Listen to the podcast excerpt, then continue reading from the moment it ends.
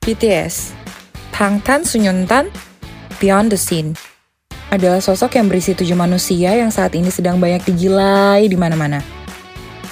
2021 adalah tahun ke-8 sejak mereka debut dan membangun karir sebagai musisi asal Korea Selatan. Impian mereka tidak muluk, mereka hanya ingin bermusik, menyebarkan kebaikan lewat musik, menjadi tameng untuk anak-anak muda, dan kebebasannya melawan berbagai stigma yang ada. Ada banyak sebutan untuk BTS. Bangtan Sunyontan, Beyond the Scene, Pave the Way, Record Breaker, Pioneer, Billboard Singer, Grammy nominee, dan lain-lain. Bagiku, mereka adalah paradoks, sosok prodigy, dan sebuah wujud cinta. Selamat datang di Skit Army Help Center, menjadi udara di ruangan hampa agar suaramu terdengar. Halo, aku Sharon, Head of Account, sekaligus main di AHC. Kali ini, aku akan membawakan sebuah topik besar yang menjadi alasan utama terlahirnya Army Hope Center dan juga podcast ini tentunya. Yap, tujuh manusia dan kecintaannya terhadap musik BTS. Ada tiga sebutan yang ingin aku gunakan untuk menggambarkan BTS, yaitu paradox, prodigy, dan wujud cinta. Secara harafiah, paradoks adalah dua hal yang bertentangan. Sama-sama terjadi dan sering kali tidak bisa menjadi benar secara bersamaan. Contoh sederhananya adalah potongan lirik lagu On yang artinya untuk tetap waras, seseorang harus menggila. Sementara kata waras dan gila adalah kata yang saling bertolak belakang.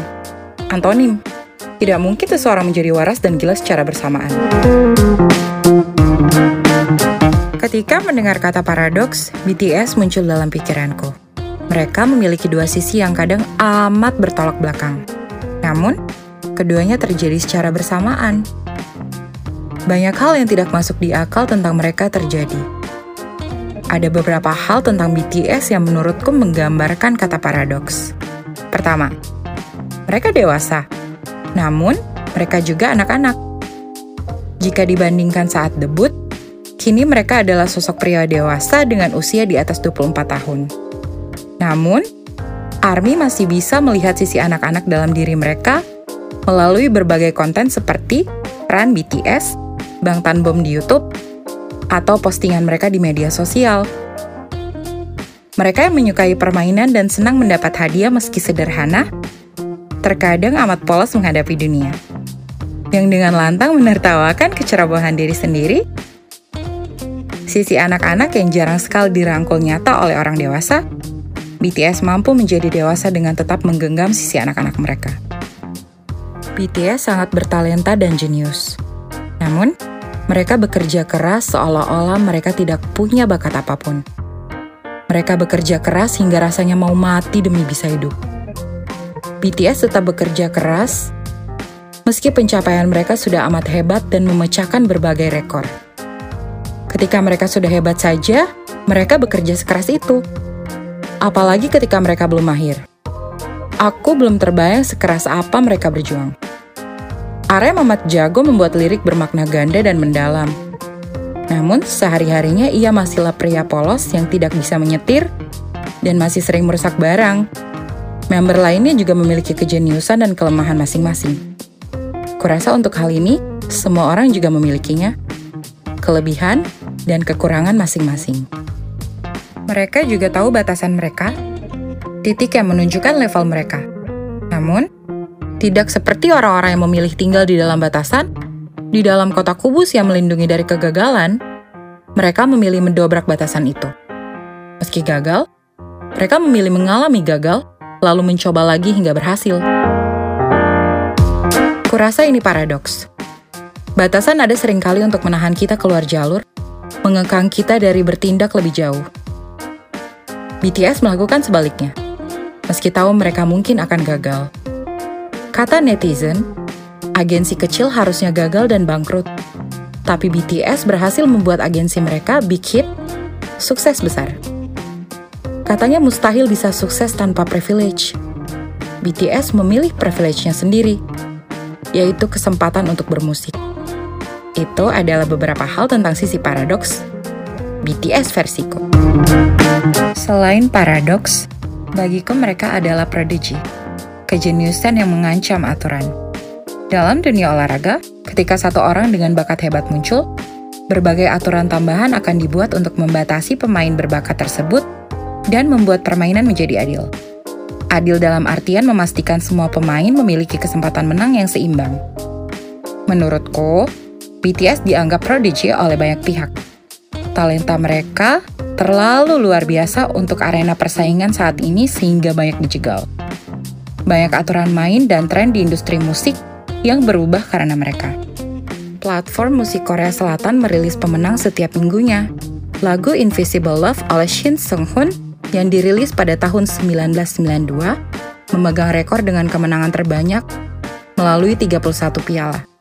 BTS mengalahkan rekor tersebut 29 tahun kemudian dengan kemenangan ke-32 untuk lagu Dynamite. Sejak 27 Februari 2021, Music Core kini memperlakukan aturan bahwa satu lagu hanya bisa maksimal lima kali. Namun, sebelum aturan itu berlaku, lagu Dynamite telah mendapat 10 kemenangan.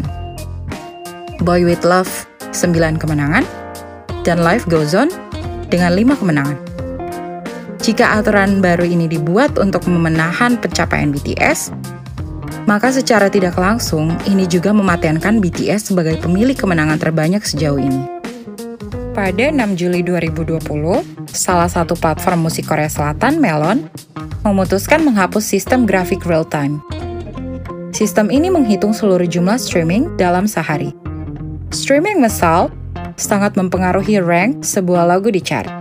Sedangkan sistem terbaru yang disebut 24 hits hanya menghitung satu streaming dari satu akun per 24 jam. Perubahan ini terjadi setelah banyak protes bahwa chart tersebut tidak lagi menggambarkan masyarakat pada umumnya. BTS juga dianggap mampu menguasai chart Melon karena memiliki masa penggemar yang banyak dan dibantu oleh streaming massal. Namun, lagu terbaru BTS yaitu Dynamite yang dirilis sebulan setelah sistem diubah, ternyata tetap mampu memuncaki chart hingga mencapai 600 PAK. Lagu BTS berikutnya seperti Life Goes On dan Butter juga menorehkan prestasi yang tidak kalah baik di tanggal lagu itu. Lagu Spring Day masih menjadi ratu dengan tetap bertahan di chart ini bahkan setelah 4 tahun dirilis. Yang artinya, musik BTS memang didengarkan oleh banyak orang, baik ARMY maupun masyarakat pada umumnya. Selanjutnya, mari kita bahas tentang Desang. Desang adalah sebutan untuk penghargaan tertinggi bagi artis atau penyanyi di Korea Selatan. Tahun 2016 adalah tahun pertama BTS memenangkan Desang. Song of the Year di Melon Music Award, dan Artist of the Year di Mama. Kemenangan ini membuat BTS diserang karena dianggap melakukan plagiasi dan manipulasi data untuk menang. Tahun 2018, BTS membawa pulang dua buah desang. Best Artist of the Year dan Album of the Year di MMA.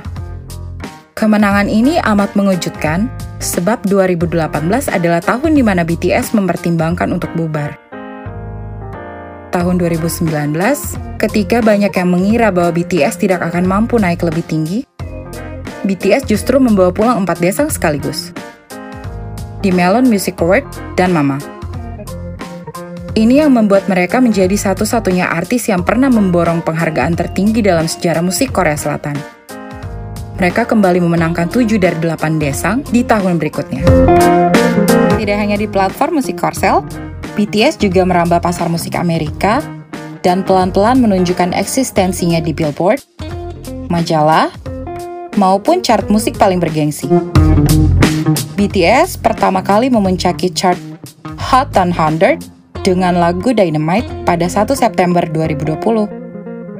Per 13 Juli 2021, BTS sudah 12 kali memuncaki chart dengan 7 kali berturut-turut melalui lagu Butter.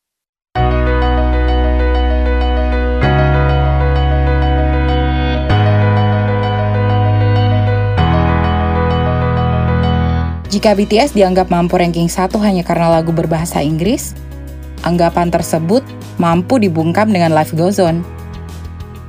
Lagu balad mereka berbahasa Korea yang berhasil ranking 1 pada 1 Desember 2020. Mic drop! Yay! Selain ranah musik, terdapat dua pencapaian BTS yang terlalu sayang untuk diabaikan. Pertama, BTS dua kali menjadi pembicara di UN General Assembly alias PBB, menyampaikan pidato mewakili anak muda. Kedua, BTS menjadi penerima Order of Cultural Merit termuda dalam sejarah.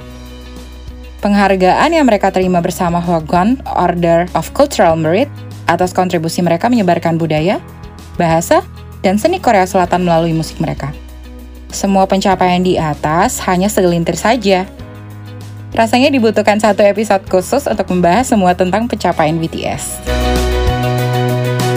Sekali lagi, aturan yang mungkin menyulitkan pihak lain justru tidak memberi pengaruh signifikan terhadap eksistensi musik BTS. A true prodigy. Lalu apakah mereka dengan kejeniusannya itu, BTS pernah gagal? Jawabannya sering. Namun, kita bisa melihat, semua pencapaian besar BTS tidak pernah instan. BTS pernah menjadi nominasi di chart musik, namun mereka baru bertahun-tahun memenangkannya setelah debut. BTS menjadi nominasi Grammy Awards pada tahun 2020, namun belum berhasil memenangkannya. Banyak yang mengatakan mereka berhalusinasi karena memiliki impian terlalu tinggi. Namun BTS adalah sosok yang selalu dengan lapang dada memeluk kegagalan. Mereka dengan jujur menunjukkan kesedihan mereka karena gagal, memberi diri mereka waktu untuk bersedih, untuk kemudian bangkit dan kembali berjuang lagi. Memeluk kegagalan itu sulit, bangkit dari kegagalan itu lebih sulit lagi. Namun, BTS menunjukkan caranya, yaitu dengan menjadi jujur terhadap diri sendiri. Mereka seperti pemain utama dalam film-film, yang dikucilkan karena kehebatan mereka tidak masuk akal. Yang terakhir, terlepas dari segala nama dan gelar yang disematkan pada BTS, bagiku mereka adalah wujud cinta yang tulus. Wujud cinta, karena mereka selalu memilih menyebarkan kebaikan, menjadi sosok penuh cinta, terlepas dari berbagai alasan yang menyuruh sebaliknya. Dunia setidak adil itu kepada mereka dan sedihnya lagi, dunia semakin jahat karena mereka terus-menerus memilih menjadi baik. Soal mereka kesal karena orang-orang yang hendak disakiti agar menjadi jahat, malah semakin menjadi baik. Mereka juga mengajarkanku hal tentang cinta itu sendiri. Lagu Fake Love menyadarkanku bahwa caraku mencintai orang-orang di sekitarku dengan menjadi palsu bukanlah cinta yang sebenarnya. Lagu Epiphany dan Love Myself Answer mengajarkanku bahwa tidak mungkin aku tahu bagaimana cara mencintai siapa pun dan apa pun di sekitarku jika aku belum mampu mencintai diriku sendiri. Tidak berhenti di situ, BTS juga bekerja sama dengan UNICEF mengkampanyekan gerakan Love Myself. Lagu Respect juga mengajarkanku bahwa level tertinggi mencintai ternyata adalah respect, menghormati, bahwa ada kemungkinan kita akan bertengkar dengan orang yang kita cintai. Pasangan, orang tua, sahabat, saudara, siapa pun. Ada kemungkinan kita tidak mengerti cara orang mencintai kita. Namun pada akhirnya, menghormati dan menghargai orang lain adalah cara kita menjaga cinta itu melewati segala rintangan dan konfliknya.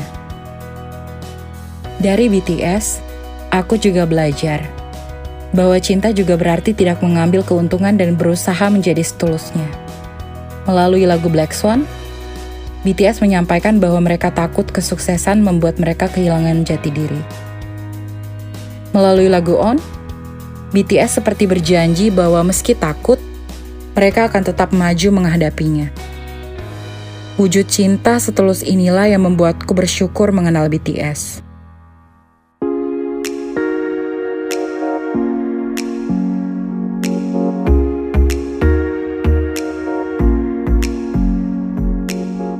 Army, mereka tahu kok betapa kacaunya dunia ini. Tapi mereka memilih fokus bermusik dan menyebarkan hal-hal baik melalui musik mereka. Mereka tahu betapa tidak adilnya keadaan. dieksploitasi dan dimanfaatkan untuk keuntungan pribadi, dijadikan sasaran standar ganda, sasaran kemarahan tanpa alasan jelas. Mereka tahu, namun mereka memilih untuk tidak membalasnya dengan kejahatan yang sama. Sebab pada akhirnya, mereka hanya ingin bersyukur bisa bermusik. Bersyukur bisa debut. Sebab dulunya kesempatan itu hampir tidak ada. Impian itu hampir tidak mampu mekar. Jika ada yang mengatakan bahwa seseorang akan menemukan BTS di saat yang tepat, kurasa itu benar sebab BTS seperti seorang teman dalam perjalanan. Menemani prosesku menjalani hidup, mencari jati diriku, dan membantuku membangun bahagia dari hal-hal sederhana setiap harinya. Pada akhirnya BTS adalah sebuah kelompok musisi yang terlalu mencintai musik, sehingga mereka mampu melewati berbagai rintangan yang menjegal. Karena impian, selalu selayak itu untuk diperjuangkan.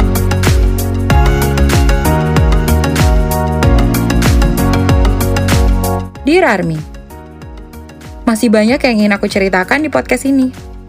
Tapi podcast terlalu sempit untuk sosok seluas BTS. Sama seperti BTS yang bersyukur memilikimu di hidup mereka, aku juga. Dan kamu juga berhak untuk mensyukuri hadirmu. Karena kamu berharga, eksistensimu berharga. Apa adanya dirimu. Peluk dirimu untukku ya. Sampai jumpa di episode selanjutnya. Aku Sharon. Terima kasih sudah mendengarkan podcast Kit Army Help Center. Mari terus mengudara meski di ruang hampa, sebab suaramu berhak didengarkan.